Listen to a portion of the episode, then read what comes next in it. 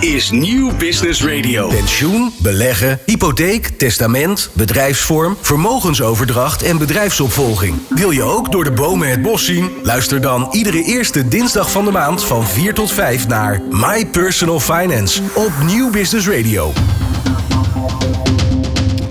Een hele goede middag, hartelijk welkom. Wat betekent klimaatverandering voor je portemonnee? Hoe ga je hiermee om in je persoonlijke financiële planning? Hoe zou je moeten beleggen? En wat betekent als je je bedrijf wilt verkopen? En hoe kun je nabestaanden financieel beschermen? My Personal Finance vandaag in het teken van klimaatverandering en het effect op je persoonlijke financiële huishouden. Mijn gasten vandaag Willem Johannesma van Oak Capital Partners, Marcel Spaai van het Instituut voor Bedrijfsovername, Judith Scherberg van My Personal Finance en we hebben de vaste rubriek vermogensoverdracht met Raymond Mars van de stichting Register Executeur. Um, Willem, waar ga jij zo dadelijk op inzoomen? Waar ga ik het over hebben? Um, ja, klimaatverandering. Uh, beleggen uh, voor een goed pensioen. Daar staat financieel rendement voorop.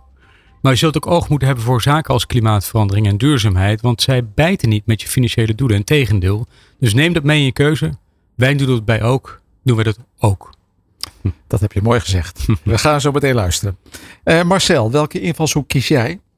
Ja, hoe ga je met uh, klimaatveranderingen om uh, als je kijkt naar het overnameproces? Maar ja, hoe heet het? ik ga daar straks wat, wat verder op in. Maar ik vond het wel leuk, een cartoon die ik laatst heb gezien. Daar zag je drie mensen staan op het uh, drielandenpunt uh, Nederland, Duitsland, België. En daar liep er eentje, volgens mij heeft er maar één land een CO2-probleem. Um, ehm, dus wat ik daarmee wil zeggen, van hoe ga je daarmee om? En uh, straks ga ik daar verder mee met bedrijfsovernames en impact daarbij. Is een mooie doordenker. Ja, je staat op die, dat, dat ene punt en een centimeter verder is al een verschil. Exact. Judith, uh, klimaatverandering en je persoonlijk financieel plan. Ja, dat zijn eh, twee uh, invalshoeken die ik ga benaderen. De eerste invalshoek is die op een macroniveau vanuit pensioenfondsen. En de tweede is vanuit een microniveau voor uh, ja, hoe je nou persoonlijk je financiële situatie duurzaam kan inrichten. Dus een beetje naar de, de uitgaven nu voor je eigen huishouden en je inkomen straks. Ja, die combinatie daarvan is best een logische, toch? Ik vind het heel logisch, zeker vanuit financiële planning gedacht. We gaan zo meteen luisteren. En Raymond Mars, eh, vandaag weer een aflevering van de bescherming van de langstlevenden. Eh, waar gaan we het vandaag over hebben? Nou, ik heb werkelijk geen flauw idee hoe ik dit in de klimaatverandering uh, moet vlechten. maar we gaan het uh, vandaag hebben over uh, de tweetrapsmaking en vooral wat het niet is. Vooral wat het niet is. Mooi. Je krijgt zo dadelijk inzicht in hoe je slim om kunt gaan met de klimaatverandering in jouw persoonlijke situatie. Hoe je een passende opbrengst kunt bewerkstelligen als je bedrijf verkoopt. Welke slimme acties er nodig zijn voor je financiële planning. En hoe de langsleven het best kan worden beschermd. Wat is een tweetrapsmaking niet? En waarom is het belangrijk om dat te weten? Pensioen, beleggen, hypotheek, testament, bedrijfsvorm, vermogensoverdracht en bedrijfsopvolging. Wil je ook door de bomen het bos zien? Luister dan iedere eerste dinsdag van de maand van 4 tot 5 naar My Personal Finance op Nieuw Business Radio. Klimaatsverandering. We zien het om ons heen gebeuren. Extreme hitte, eh, sommige gebieden bosbranden, rodos, eh, net gezien. Heel concreet, dat kan dus het toerisme raken. Dat zal het toerisme raken, zou je zeggen. Ja. In brede zin, klimaatsverandering raakt ook de economie. Willem Johannesma, ook Capital Partners, vermogensbeheer. Eh, welke effecten van het warmer wordende klimaat zie je nou om je heen? Ja, nou ja, je ziet natuurlijk, wij zitten hier in een heel ander deel van het warmer wordende klimaat met een hele slechte zomer. Maar ook dat schijnt toch te komen door de opwarming van de oceanen weer. Dat wij zoveel regen hebben. Ik heb er geen verstand van, maar dat hoorde ik. En ik vond het best plausibel eigenlijk. Het klinkt wel logisch. Ik kan het ook niet verklaren, maar het klinkt wel logisch. Er zit wel, ik denk wel dat er een bepaalde causaliteit in zit waar we een slechte zomer hebben en daar uh, zo extreem uh, weer. Uh, ja, precies. Dus, dus, dus ergens is het heel erg heet en droog en hier is het dan weer koud en nat. En ja. dat heeft een samenhang. Ja, maar goed, wij zijn beide geen meteorologen, maar van financiële zaken en economie hebben we wat meer verstand. Ja, wij zijn economen of ja, meteoroloog van de koude grond. ja, absoluut. En ehm, ja, voor de economie heeft het uh, echt wel impact. Uh, en ik, ik verwijs ook naar een column van Han Dieperink, een bekende van de show. Hij is beleggingsstrategisch bij Aureus. En hij heeft daar laatst twee weken geleden ook een column over geschreven. Onder andere naar aanleiding van natuurlijk de hittegolf in Zuid-Europa. Die bosbranden overal. En je ziet wat hij ook zegt en is dat Op een aantal niveaus raakt het de economie. Ehm, als het zo warm is, raakt de arbeidsproductiviteit. Ja, je kunt zeggen, eh, schaf een airco aan, maar dat, dat geldt niet voor alle landen en voor alle sectoren kan dat. Hè. Die, die hitte, dat valt niet bij te werken met 40 plus graden. Ehm, toerisme noemde je al. Ja. Dat wordt echt wel aangetast, want wie wil er eh, inderdaad 40 graden plus? Kanttekening bij, volgens mij eh, Dubai is het altijd warm en die wordt steeds aantrekkelijker. Tenminste, als je de statistieken mag geloven als toeristische trekpleister. Dus ja, mensen hebben toch daar weer een oplossing voor gevonden. Of eh, Misschien is het daar eh, veel airco of, of veilig of Ja. allebei. ja, zoiets. Ja, Ja. ja. Ehm, agrarische sector wordt duidelijk geraakt. Eh, je ziet ook de olijfolie stijgt enorm in prijs door schaarste. Natuurlijk oogsten worden echt anders. Die bosbranden heeft natuurlijk ook veel effect op de agrarische sector. De bouwsector die, die wordt geraakt. Simpele dingen als de sta- staal zet enorm uit. Een beton droogt slecht op. Hele slechte kwaliteit. Transport. eh, we hebben dat één of twee zomers natuurlijk ook gezien dat de, de rivieren enorme laag waterstanden hadden. Waardoor transport over de rivieren bijna niet kon. Eh, dus dat wordt ook geraakt door, eh, door de klimaatverandering. Ehm, ja, verzekeraars die hebben natuurlijk last van de enorme schade die, die daarmee gepaard gaat.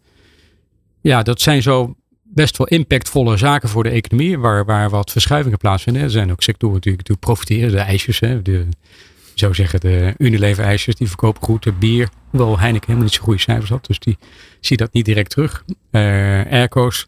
Ja, in een bredere zin zijn er ook heel veel sectoren die profiteren van die hele klimaatsdiscussie en verandering van die energietransitie met natuurlijk eh, elektrische voertuigen, eh, windenergieproducenten hè, die, die zich daarmee bezighouden. Zijn, kijk, het bedrijf Tesla alleen al. ehm is een van de grootste beursgenoteerde eh, qua marktkapitalisatie eh, bedrijven ter wereld geworden.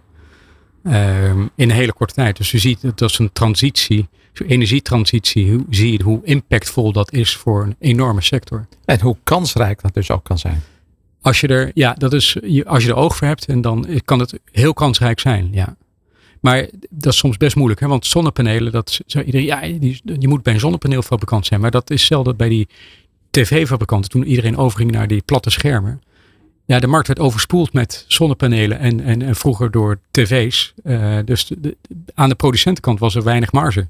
Eh, dus moet je een andere, laat zeggen, in een andere keten moet je, moet je gaan zitten om daar toch eh, als belegger van te kunnen profiteren. Ja, wat, wat- kijk, jij bent vermogensbeheerder. Wat, wat betekent, betekenen al deze ontwikkelingen nou voor jouw beleggingskeuze? Ja, dat is een goede vraag. En daar, hebben wij, eh, daar denken we natuurlijk veel over naar. Maar we hebben gezegd, uiteindelijk zijn wij in, eh, in de kern zijn wij een passieve belegger voor het grootste deel van onze, onze portefeuille. En dat betekent dat wij een index volgen. En een index gaat automatisch mee met de beleggingsvoorkeuren van de markt. Dus zie je hè, dat als Tesla heel veel waard wordt, dan wordt dat een groot deel van je portefeuille automatisch als je passief belegt. Maar we, hebben, we gaan wel een stap verder, want eh, bij ons is, staat financieel rendement voorop, maar dat eh, gaat gepaard wel met eh, duurzaamheid en bepaalde uitsluitingen. Dus we willen het vooral niet slecht doen. Dat betekent dat wij bepaalde uitsluitingen hebben op gebied van, ehm laat zeggen, de, eh, de, de controversiële wapens, dus die massavernietigingswapens. Op het gebied van tabak, op het gebied van eh, adult industry en eh, zo wat zaken. Die zijn allemaal uitgesloten. Gokken natuurlijk. Gokken, ja. Dat is allemaal uitgesloten. En daarna hebben we nog eh, een, een, is er nog een screening wordt er gedaan op, op eh, bepaalde doelen van de Verenigde Naties. Die er zijn gesteld eh, op het gebied van ESG, hè, dat, eh, de duurzaamheidsdoelen. Eh, ESG staat voor eh, Environment, Social and Governance. Dus op eh, de omgeving, zeg maar, het milieu, over de regelgeving de, en over de sociale aspecten binnen bedrijf. En daar hebben we dus eh, een filter overheen om in ieder geval toch ook de duurzaamheidsdoelen eh, wel eh, in het vaandel te hebben. Maar het gaat niet ten koste van het financieel rendement. En je ziet dat onze, zoals het heet, onze tracking error ten opzichte van een niet duurzame index, die is heel, relatief laag. Dus je kunt met toch, door het niet slecht te doen, eigenlijk wel goed te doen, kun je toch heel dichtbij zeg maar, een wereldwijde benchmark aanzitten. Het, het leek vroeger dat, dat het fiscaal gestimuleerd moest worden. Groen, groen beleggen. Ja, Ja. hebben we het jaren gehad. Ja. en dan denk je, ja, dan kun je in wezen, dat waren de cijfers, alleen maar verdienen aan het belastingvoordeel. Maar de kern ligt natuurlijk eh, dat, dat een duurzame ontwikkeling eigenlijk eh, dat is wat de markt nodig heeft. Dus dat je daar op natuurlijke manier aan zou kunnen verdienen. Ja, ja, dat is een veel betere motivatie ook om iets te doen. Want dan eerst in eerste instantie die eerste financiële prikkel is eigenlijk de motivatie. En het is natuurlijk, ja, dan zie je hetzelfde met zonnepanelen. Laten we, de meeste mensen kiezen zonnepanelen omdat het financieel op zich goed uitkomt. En we zien de grootste boom in zonnepanelen toen de energieprijzen heel hoog waren. Ja. Dus de, de portemonnee is een hele belangrijke motivator om iets te gaan doen. Ja. Uh, voor korte termijn, maar lange termijn moet je natuurlijk wel wat, wat beter gaan nadenken over die, over die uh, duurzaamheidsdoelen. Maar wij gaan ook als organisatie, dus we hebben op beleggingsbeleid hebben we keuzes gemaakt. En de Mhm. organisatie hebben we ook een aantal jaar geleden al keuzes gemaakt. Wij planten voor iedere klant een, uh, een boom. We hebben ruim 13.000 bomen geplant in de Mata Atlantico, dus het landse regenwoud rondom Brazilië, Paraguay en, en Argentinië. Mm -hmm. Uh, en nog andere delen van de wereld, zoals Nepal. Maar goed, de, de, dus er zijn, dat doen we samen met de partijen. Dat, dat zijn flinke bossen inmiddels. Uh, 13.000 bomen, ja, daar kan ja, ik daar niet meer wat uh, bij voorstellen, maar het, het, klinkt behoorlijk. Ja, dat, dat gaat richting 150 hectare of zo. Dus dat is ja. echt wel flink. En het groeit elke dag. Dus dat is leuk. En iedere klant die, die houdt ook zijn eigen boom. Dus je kan zijn eigen boom zien groeien. Dat gebeurt natuurlijk niet. Maar zo moet je ook naar je portefeuille kijken. Die, je kunt elke naar je portefeuille kijken of die groeit. Maar je moet het gewoon op lange termijn op lange termijn, precies. Ja, ja. dus. De, als een stevige eik wordt hij goed geworteld uiteindelijk. Hè? Nou, nou, de ja, dat hebben we ook weer hè, met, met de twee K's. Zo is het. Ja, ja, ja. En uh, wij zijn ook heel lang ondertekenaar van de, zoals het heet, de UNPRI. Dat zijn de principles van de United Nations. En dan als organisatie moet je dan voldoen aan uh, een aantal uh, richtlijnen uh, om daar uh, ondertekenaar van te zijn. Dus op, wat is zo'n richtlijn dan? Nou ja, weet je dat je als leaseauto's, elektrische auto's bijvoorbeeld hebt, dat je je organisatie uh, het niveau goed inricht met, uh, met je milieuaspecten, dat je goed omgaat met diversiteit, et cetera. Nou, nou, wij zijn, uh, wij zijn een Rotterdamse firma, we zijn heel pragmatisch, we proberen alles goed, we gaan niet, de, de, we zijn niet rooms aan de paus, maar we proberen het echt wel vooral niet slecht te doen en daar hoort dit soort dingen ook bij. Mooi. Dus dat betekent dat, dat je in je beleggingskeuze geef je uiting daaraan, maar ook als, als onderneming zelf uh, ja. ben je duurzaam. Ja. En, en dat is voor de lange termijn, is dat goed voor iedereen. Daar komt het eigenlijk op neer. Ja, en dan wordt het ook intrinsieker. We zitten het intrinsieker in je hele beleid. Dus we hebben ook geen duurzaamheidsportefeuille als keuze. Iedereen gaat in die, uh, alle klanten zitten daarin.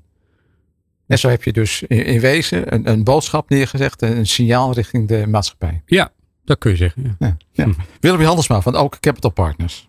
Wil je ook de kapitein op je schip zijn? Werk samen met My Personal Finance aan je persoonlijke financiële kompas. Voor nu en later. Iedere eerste dinsdag van de maand van 4 tot 5 op Nieuw Business Radio. Je luistert naar My Personal Finance. Marcel Spy van het Instituut voor Bedrijfsovername. Uh, je had een prachtige vergelijking net. Uh, een mooie statement van uh, het drie landenpunt. Vertel hem nog één keer, want uh, hij moet toch wel even landen, denk ik. Ja, nee, heet het? Uh, wat ik aangaf, uh, een cartoon waarbij je zeg maar drie mannetjes op het drie landenpunt zag staan. Ze zaten elkaar een beetje aan te kijken en één zei van, er is maar eigenlijk één land van deze drie landen die een CO2-probleem heeft. Dat was uiteraard de Nederlander. Maar daar zie je ook direct hoe je met klimaatverandering omgaat. En uh, als je nu kijkt naar de, de verschillende landen, uh, daar heb je ook allemaal uh, verschillende regelgevingen. Uh, gaan anders om met milieunormen. En als je kijkt naar zeg maar, de overnames, internationale overnames heb ik het dan over, mm -hmm. heb je daar wel mee te maken. Op het moment dat je bijvoorbeeld hier als Nederlandse VC Capital Company een bedrijf wil overnemen. Venture capital bedoel je? Venture capital, ja. sorry. Ja. Uh, wil overnemen in, uh, in Duitsland. Ja. Of je neemt iets over in Maleisië. Er zijn wel uh, verschillende landen waarbij je zeg maar invloed hebt op een productieproces, hoe je dat gaat doen. Je kan dat productieproces gaan ver verplaatsen bijvoorbeeld van Duitsland naar Maleisië of van Maleisië naar Duitsland. Mm -hmm. um, dus ja, en dat heeft ook impact op de waarde van je onderneming. Maar ook als je een bedrijf gaat overnemen, zijn dat overwegingen die je moet gaan meenemen uh, in je waardering van het uh, nieuwe bedrijf wat je aanwint. En uh, wat voor een impact dat heeft. En ook wat voor materiaal je in je productieproces nodig hebt. Is, is het dan ook zo dat, dat als, je, als je nu die overnames bekijkt, dat het internationaler wordt? Dat bedrijven vaker over de grens kijken? Uh, Nederlandse bedrijven, uh, visie, uh, participatiemaatschappijen, kijken steeds meer de Nederlandse grens over. Hm. Wij zien dat zelf in onze, onze portefeuille dat, dat dat toeneemt. En daar komt deze vraag ook naar voren. ik ben op dit moment met een club bezig die doen een overname in Duitsland in combinatie met een overname in Polen.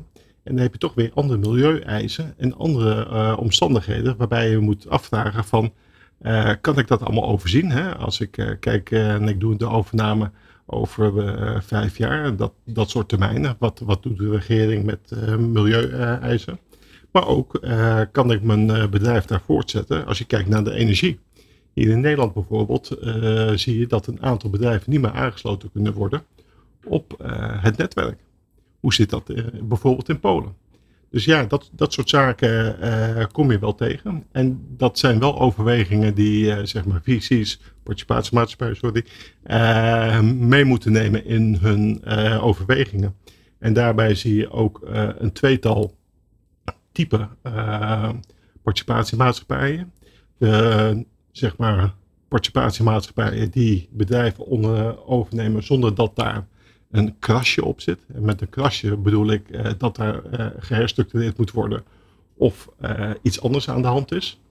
Um, of een participatiemaatschappij. Hè. In Nederland worden dat er steeds minder. Vroeger had je Nimbus die actief was met de herstructurering van bedrijven. Of een H2. maar die zie je iets, iets minder op het toneel. Active Capital is bijvoorbeeld een partij die kijkt naar bedrijven waar een krasje op zit, waarbij zij hun toegevoegde waarde kunnen laten zien. Wat, wat is dan een krasje? Wat kan dat ehm, zijn? Dat kan zijn dat ze bijna failliet zijn. Oké, dat lijkt me een aardige kras. dat, dat, is meer een deukje, om het zo maar te zeggen. Dat is een flinke deuk, zou ik zeggen. maar zeg maar, door het samenvoegen van een tweetal bedrijven, hè, ehm, kan dat dan zeg maar een beter propositie worden. Ja, ja. Uh, maar daar krijg je dan ook te maken van hè, op het moment dat wij de mogelijkheid hebben om het productieproces ergens anders onder te brengen. Uh, dan kan je kijken van wat, wat voor impact heeft dat op het uh, klimaatverandering. En aan welke waarden en regelgeving hebben we ons dan te houden de komende jaren. En hoe, zit het dan met de ethiek? Want als, als het dan hier niet mag en het is vervuilend en vervolgens doe je dat in Polen, dan is het denk ik net zo vervuilend is het net zo vervuilend. Alleen dan moet je kijken van uh, het productieproces zoals dat in Polen is. Of dat inderdaad uh, schoner en duurzamer kan. Uh, rekenend met ook je afnemers. Want je afnemers gaan dat ook vragen. Ja. Als je kijkt in Polen heb je heel veel automotive gerelateerde ondernemingen. die dan zeg maar of de onderdelen of alles samenstellen. Maar een uh, Volkswagen, of met name Volkswagen in verband met de Dieselgate, ja. uh, die uh, zijn natuurlijk daar als, als de dood dat dat niet conform de goede procedures gaat. Ja. En die stellen daar ook eisen aan. En die komen ook kijken in fabrieken of dat daadwerkelijk stand gehouden wordt. Wat merk je nou in de publieke opinie ten aanzien van dit soort eisen? Uh, hoe bedoel je publiek? Nou, eh, als je kijkt naar kopers en verkopers van bedrijven, in hoeverre wordt er nu heel sterk gekeken naar al die milieueisen en wat daar verder meespeelt? Nou, kopers uh, kijken daar met name naar. Kijk, een verkoper is, zit daar wat uh, soepeler in de wedstrijd, laat het zo zeggen. Mm -hmm. Want ja, die wil zijn bedrijf verkopen en die heeft een aantal jaar op een bepaalde manier geproduceerd. Maar een koper die zal dan wellicht een aantal nieuwe uitdagingen krijgen of een aantal wijzigingen en ehm, de milieu eh, en de regelgeving. Ja, en dat, die is daar uh, secuur in. Als iemand nou zijn bedrijf wil verkopen, dan, dan ja, je rekent meestal met een jaar of vijf, denk ik, in het verkoop klaarmaken van je onderneming. Welke elementen zouden dan belangrijk zijn op milieutechnisch eh, terrein of op duurzaam terrein? Um, ja, dat is een, de vraag is heel makkelijk gesteld. Uh, maar die is best wel lastig. Het is een beetje afhankelijk van uh, wat, wat voor type bedrijf het is. Ja. Kijk, als het bijvoorbeeld in de food is. Uh, ja, en het is een bakkerij ja, waar komt het graan vandaan? Uh, dus die vraag is niet zo makkelijk te beantwoorden. Oké, maar is de algemeenheid, wordt daar wel naar gekeken? Er wordt zeer zeker ja. naar gekeken. Maar wat is nou, wat, wat zou je als tip meegeven aan, aan iemand die nu zijn bedrijf wil verkopen? Ten, ten aanzien van de duurzaamheid en, en wat er allemaal aan regelgeving uh, is. En dan met name Nederlandse bedrijven. Met name Nederlandse bedrijven is van op het moment, je, gaat, je wil je bedrijf verkopen. Je maakt uh, zeg maar een soort information memorandum. Mm -hmm. En besteed daar aandacht aan uh, van hoe jij je productieproces uh, verduurzaamd hebt. Of dat je daar oog voor hebt. Of dat je maatregelen hebt genomen die daar invloed op in hebben. Dan laat je zien waar je mee bezig bent geweest. En dat geeft ook aan de kopende partij comfort. Marcel Spaai van het Instituut voor Bedrijfsovername. Pensioen, beleggen, hypotheek, testament, bedrijfsvorm, vermogensoverdracht en bedrijfsopvolging. Wil je ook door de bomen het bos zien? Luister dan iedere eerste dinsdag van de maand van 4 tot 5 naar My Personal Finance op Nieuw Business Radio. En van het bedrijf schakelen we over naar het persoonlijk huishouden. Doen we met Judith Scherrenberg, mijn collega bij My Personal Finance. En Klimaatsverandering en financiële planning. Je gaf het in de introductie al aan. We gaan even naar de uitgaven kijken en naar de inkomsten op termijn met pensioenfondsen. Jij wilde starten met pensioenfondsen. Ja, dat klopt. Want ik vind het altijd fijn om van macro naar micro te gaan. Dat uh, lijkt me prima. Lekker inzoomen. Ja, precies, Vanuit de bird's eye view gaan we dan naar beneden. Juist. Oké, hartstikke goed. Pensioenfondsen en de duurzaamheid. Ja, um, er is een, uh, uh, in 2019 door een groot aantal pensioenfondsen via de Pensioenfederatie. De Pensioenfederatie is een overkoepelende organisatie boven allerlei partijen die zich bemoeien met pensioen. Um, hebben ze eh, zich uh, akkoord verklaard en, en verbonden verklaard met het, het, pensioenakkoord. Het klimaatakkoord. Moet het wel goed zeggen, het klimaatakkoord. En um, uh, dat betekent dus ook dat ze daar maatregelen op hebben getroffen.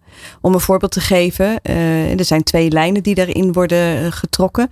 het ABP, het Algemeen Burgerlijk Pensioenfonds, een pensioenfonds voor alle ambtenaren, ehm, die heeft ervoor gekozen om niet meer te investeren, op welke manier dan ook, in bedrijven die bezig zijn met fossiele brandstof.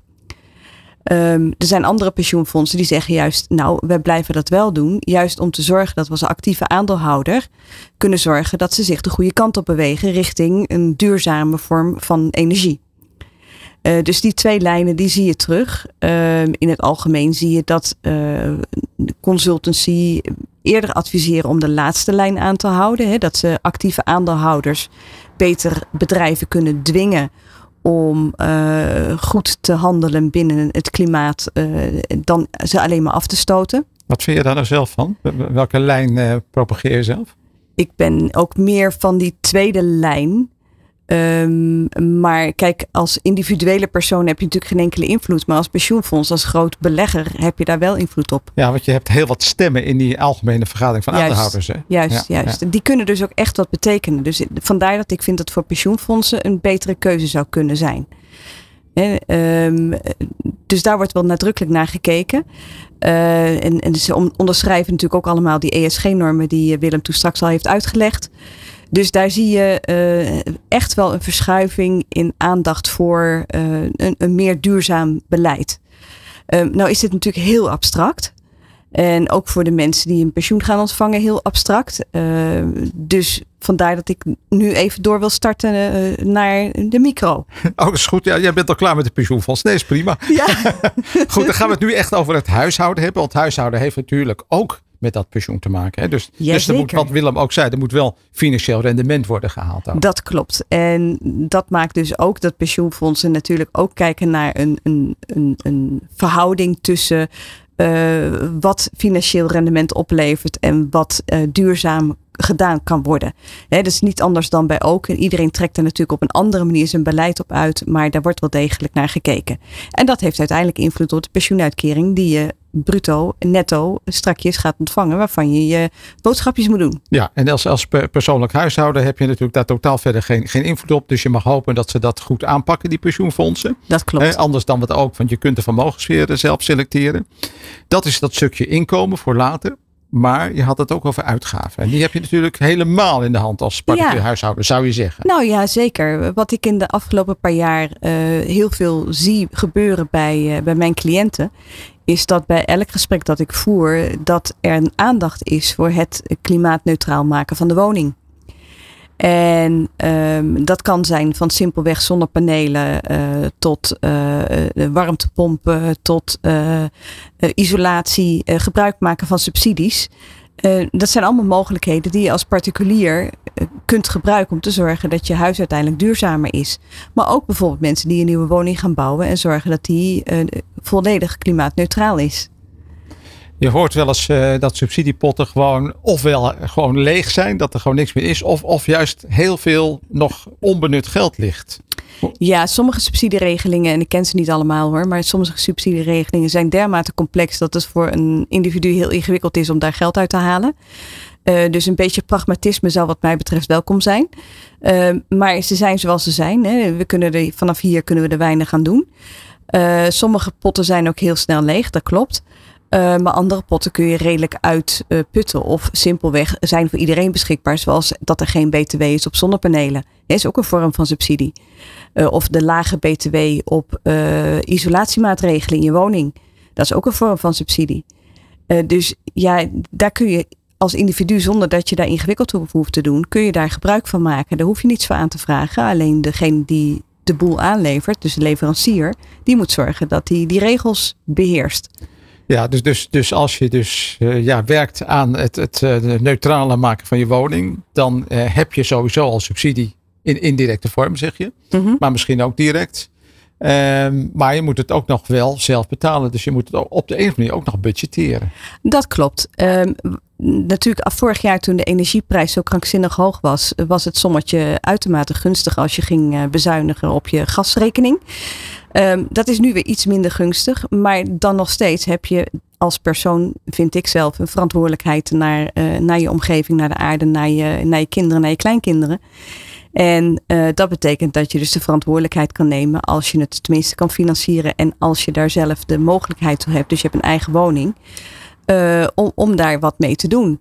En er zijn dus ook bijvoorbeeld hypotheken met een lagere rente en met andere normen die makkelijker verstrekt worden, zodat je je huis kan isoleren. En uh, een simpel voorbeeld is, stel nou dat je een elektrische auto kan kopen uh, als particulier en je hebt die auto via je werkgever. Um, dan kan je een, een, een laadpaal aan je woning hangen. En de werkgever betaalt vervolgens via de zonnepanelen die jij op je dak hebt. een groot gedeelte van de investering van je zonnepanelen terug. Want die betaalt elke maand jouw opladen. terwijl jij gratis met de zon oplaadt. Nou, dat is best interessant hoor. Dus je kan wel verder kijken dan alleen maar je neus lang is. En als iedereen elektrisch zou rijden, zou je natuurlijk behoorlijk wat minder uitstoot hebben. Is dat ook niet totaal ideaal, maar het is wel een verbetering. Ja, en wat je eigenlijk zegt is als je slim dingen aan elkaar koppelt, ja. dat je dan uh, niet alleen bezuinigt, maar misschien ook wel verdient. Precies. Ja. Hmm, nou, dat lijkt me wel een optimale financiële planning als ik dat zo hoor. Ja, dat is onze taak, toch? Het is, nou ja, kijk, het, het is ook de lange termijn hè, waar je, wat je zegt, kinderen, kleinkinderen, om, om daarmee te werken. Maar op korte termijn kun je dus ook gewoon daar financieel voordeel uit halen. Absoluut. Dus, dus het, het een sluit het ander niet uit, het werkt juist samen. Ja, dat klopt. Judith Scherberg, My Personal Finance. Wil je ook de kapitein op je schip zijn? Werk samen met My Personal Finance aan je persoonlijke financiële kompas. Voor nu en later. Iedere eerste dinsdag van de maand van 4 tot 5 op Nieuw Business Radio.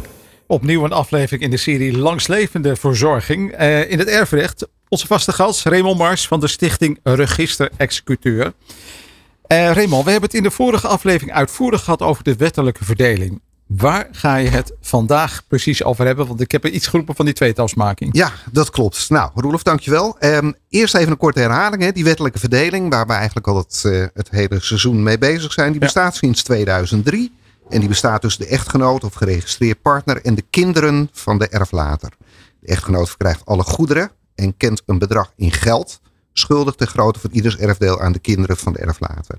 Die schuld, die is pas opeisbaar na het overlijden van de langslevende echtgenoot. Um, voor 2003 kennen we die variant eigenlijk alleen in de vorm van de ouderlijke boedelverdeling. In het testament. Ja, ja in het ja. testamentair erfrecht. Hè, want de kinderen hadden een rechtstreeks opeisbaar erfdeel. Oké, okay, vandaag ga je het dus hebben over de tweetrapsmaking. Die bestaat alleen in het testamentair erfrecht. Zijn er veel van die dingen? Ja, Oh, dus okay. verschrikkelijk veel. En 1 maart 2010 is daarbij een gedenkwaardige dag. Oh, hoezo? Nou, die avond was er een uitzending van Tros Radar.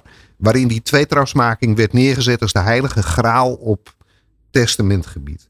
En het heeft, wat je er verder ook van vindt, geleid tot een aanzienlijke toename. Dan moet je echt denken over honderdduizenden uh, uh, van het aantal tweetrapstestamenten. Je kijkt daar niet al te vrolijk bij. Nee, Nee, want het hele punt is, hè, het, het, het laatste wat je moet doen, dus hetgene wat je beter kan laten, als het om je laatste wil gaat, is doel redeneren. Wat bedoel je daarmee?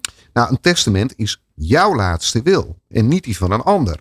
Dus je moet je ook niet de kop gek laten maken met een wil waarmee je kennelijk een fiscaal doel toeredeneert. Maar wat is daar dan mis mee? Nou, de essentie ligt hem in het volgende. Erfbelasting wordt geheven bij de verkrijger. Het is vooral een juridische belasting. Dus iedere variant die je bedenkt, grijpt per definitie in op de daadwerkelijke feitelijke en financiële positie van de verkrijger. En je wordt dus belast op iets dat je krijgt. En als je vermogen overhevelt naar een langslevende, omdat hij een hogere vrijstelling heeft, krijgt het kind dus minder. Erfbelasting huppelt dus altijd achter de juridische realiteit aan. En hoe zit dat dan met die tweetrapsmaking? Nou, die tweetrapsmaking, dat is een uitermate zinnig instrument in het erfrecht. En je kan hem, kan hem op verschillende manieren gebruiken. Uh, je kan hem bijvoorbeeld gebruiken om via een kind een kleinkind te laten verkrijgen. Of zeker in een echtscheidingssituatie te voorkomen dat de ex van je kind verkrijgt. Ik zal het even toelichten met een voorbeeld. Vader Piet, dochter Tini, zoon Jan en ex Marieke, de moeder van Jan en Tini. Vader Piet overlijdt. Tini en Jan erven van vader. En daarna overlijdt Tini, waardoor Jan en Marieke erft. als Tini zelf geen kinderen heeft en geen echtgenoot heeft, dan gaan we naar groep 2. En dat betekent dus dat de ouders en de broers en zussen erven. Mhm. Nou, dat, dat vindt vader Piet op voorhand geen prettig idee. Dus hij stelt een tweetrap in, waarbij Tini, als Tini of Jan overlijdt, het erfdeel van Tini alleen aan Jan toevalt, of het erfdeel van Jan alleen aan Tini toevalt. Dus broer en zus. Ja. Daar praten we over. Ja. Maar vader Piet verdeelt dus twee keer. Dat klopt. En dat is nou net ook de twee in de tweedragsmaking, hè, wat je, eh, wat je kan, eh, kan doen. Eh, maar de wet biedt zelfs de mogelijkheid om, om een 2, 3, 4, 5, 6, 7, 8, 9, 10 dragsmaking eh, te maken. Um, de variant die we net gezien hebben, die noem ik altijd de verticale tweetrap. He, want je gaat dus in de lijnen, in, in, in de, uh, de lijn naar beneden, ga je dus verdelen. Kind, kleinkind. Ja. ja. Ja. En in het kader van de langslevende verzorging kan je, zoals ik hem dan ook altijd noem, de horizontale tweetrap toepassen. Oké, okay. dit vraagt om een uitleg. Nou, we hebben een voorbeeld. Stel, we hebben moeder Tanja, vader Kees en de dochters Wilma en Lisa. En moeder Tanja overlijdt. Vader Kees verkrijgt dan bij de tweetrap het hele vermogen, waaronder ook het huis waar Tanja enig eigenaar van was. Onder de zogenaamde ontbindende voorwaarden van zijn overlijden. Dus hij krijgt het tot hij overlijdt. Gebruikt Aansluitend verkrijgen Wilma en Lisa onder de opschortende voorwaarden van het in leven zijn van vader Kees. En dus zolang vader Kees nog leeft, dan krijgen ze het nog niet, gaat hij dood, dan krijgen ze het wel. Dus op het moment dat vader Kees komt te overlijden, eh, eh, verdeelt de nalatenschap opnieuw.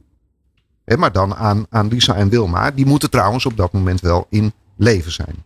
Nou, in de terminologie van de tweetrap is vader Kees dan de bezwaarde en Lisa en Wilma zijn de verwachters. Ja, want die krijgen het nog niet meteen. Welk voordeel zit hier nou in ten opzichte van de wettelijke verdeling? Ja, nou, geen voordeel en geen nadeel. Het is Oh. namelijk iets heel anders. Eh, eh, overigens, ik heb wel steeds de meest ruwe variant eh, Mhm. be- beschreven. Want de ene tweetrap is de andere niet. Hè. Je zal hem dus wel ook daadwerkelijk moeten, moeten inrichten. Mhm. Bekijk ik het vanuit een feitelijk juridisch perspectief. Dan ligt het voordeel bij Lisa en Wilma. Want die verkrijgen onder andere die woning. En niet alleen de tegenwaarde in geld. Zoals bij de wettelijke verdeling het geval is. Dat is wel heel mooi, hè? Ja, maar het nadeel in deze variant zit bij vader Kees. Want die kan namelijk niet over die woning beschikken.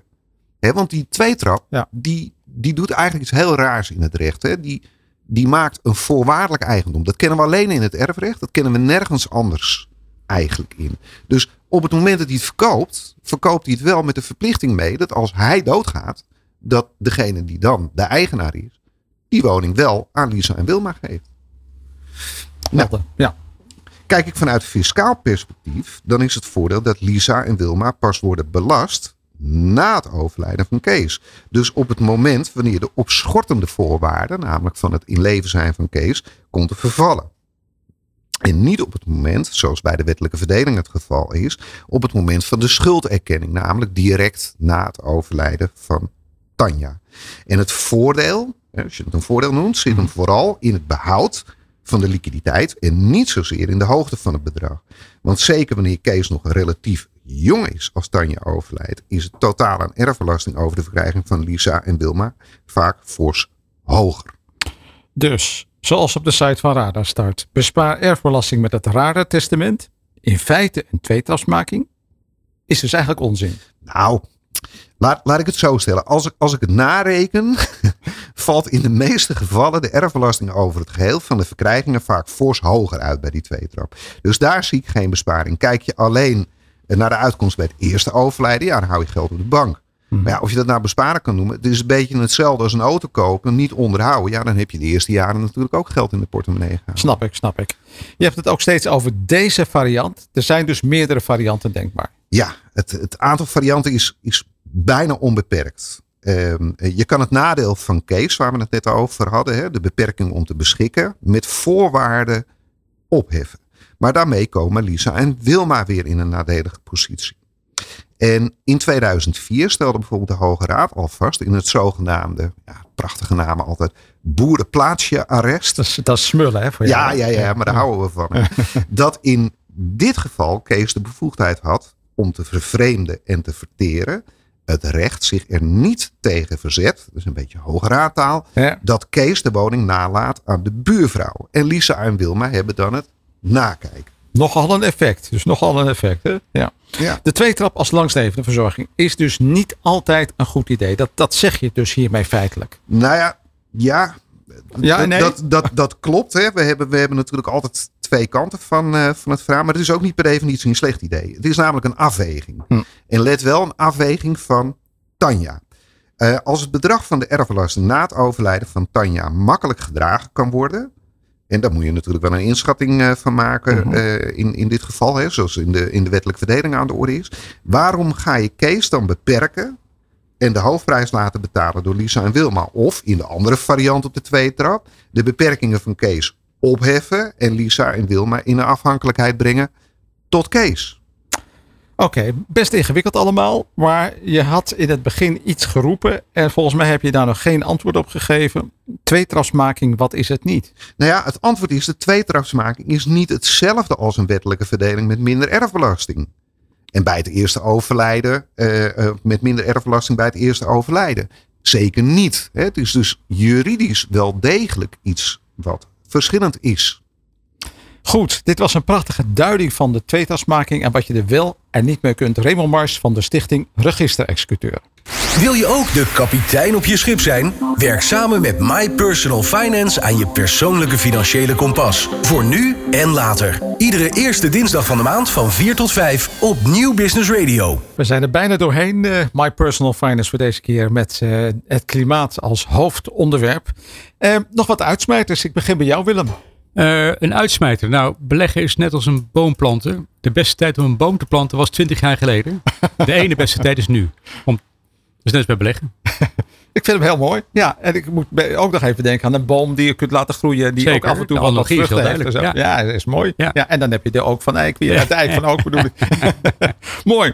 Dankjewel. Eh Marcel Spaai. Wat zou het mooi zijn als eh, op het drielandenpunt geen van de landen een CO2-probleem zou hebben. Ehm, ik vind dat verduurzamen eh, biedt ook kansen. Eh, vaak heeft het eh, financiële voordelen. Maar het mooie ervan is dat je ook eh, voor de kinderen na jou iets achterlaat wat moois is. En Legacy. Oké, Exact. dankjewel Marcel. En Judith. Ja, eh, je kunt in je eigen persoonlijke situatie door slim gebruik te maken van de faciliteiten die de overheid en diverse subsidies bieden, eh, in plaats van alleen maar eh, geld verliezen, ook verdienen terwijl je wel bezig bent met het duurzamer maken van je eigen omgeving.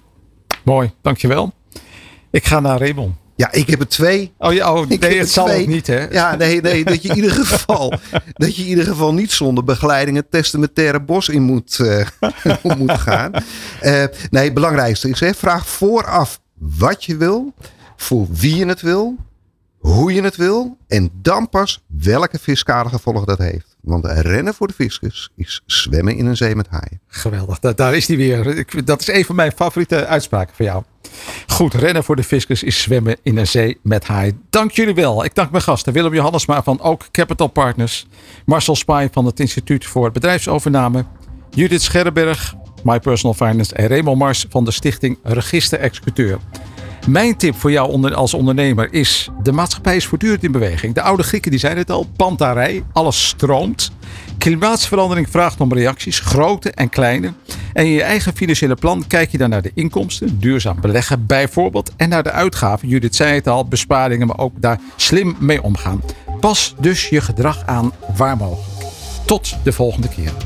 Wil je ook de kapitein op je schip zijn? Werk samen met My Personal Finance aan je persoonlijke financiële kompas. Voor nu en later. Iedere eerste dinsdag van de maand van 4 tot 5 op Nieuw Business Radio.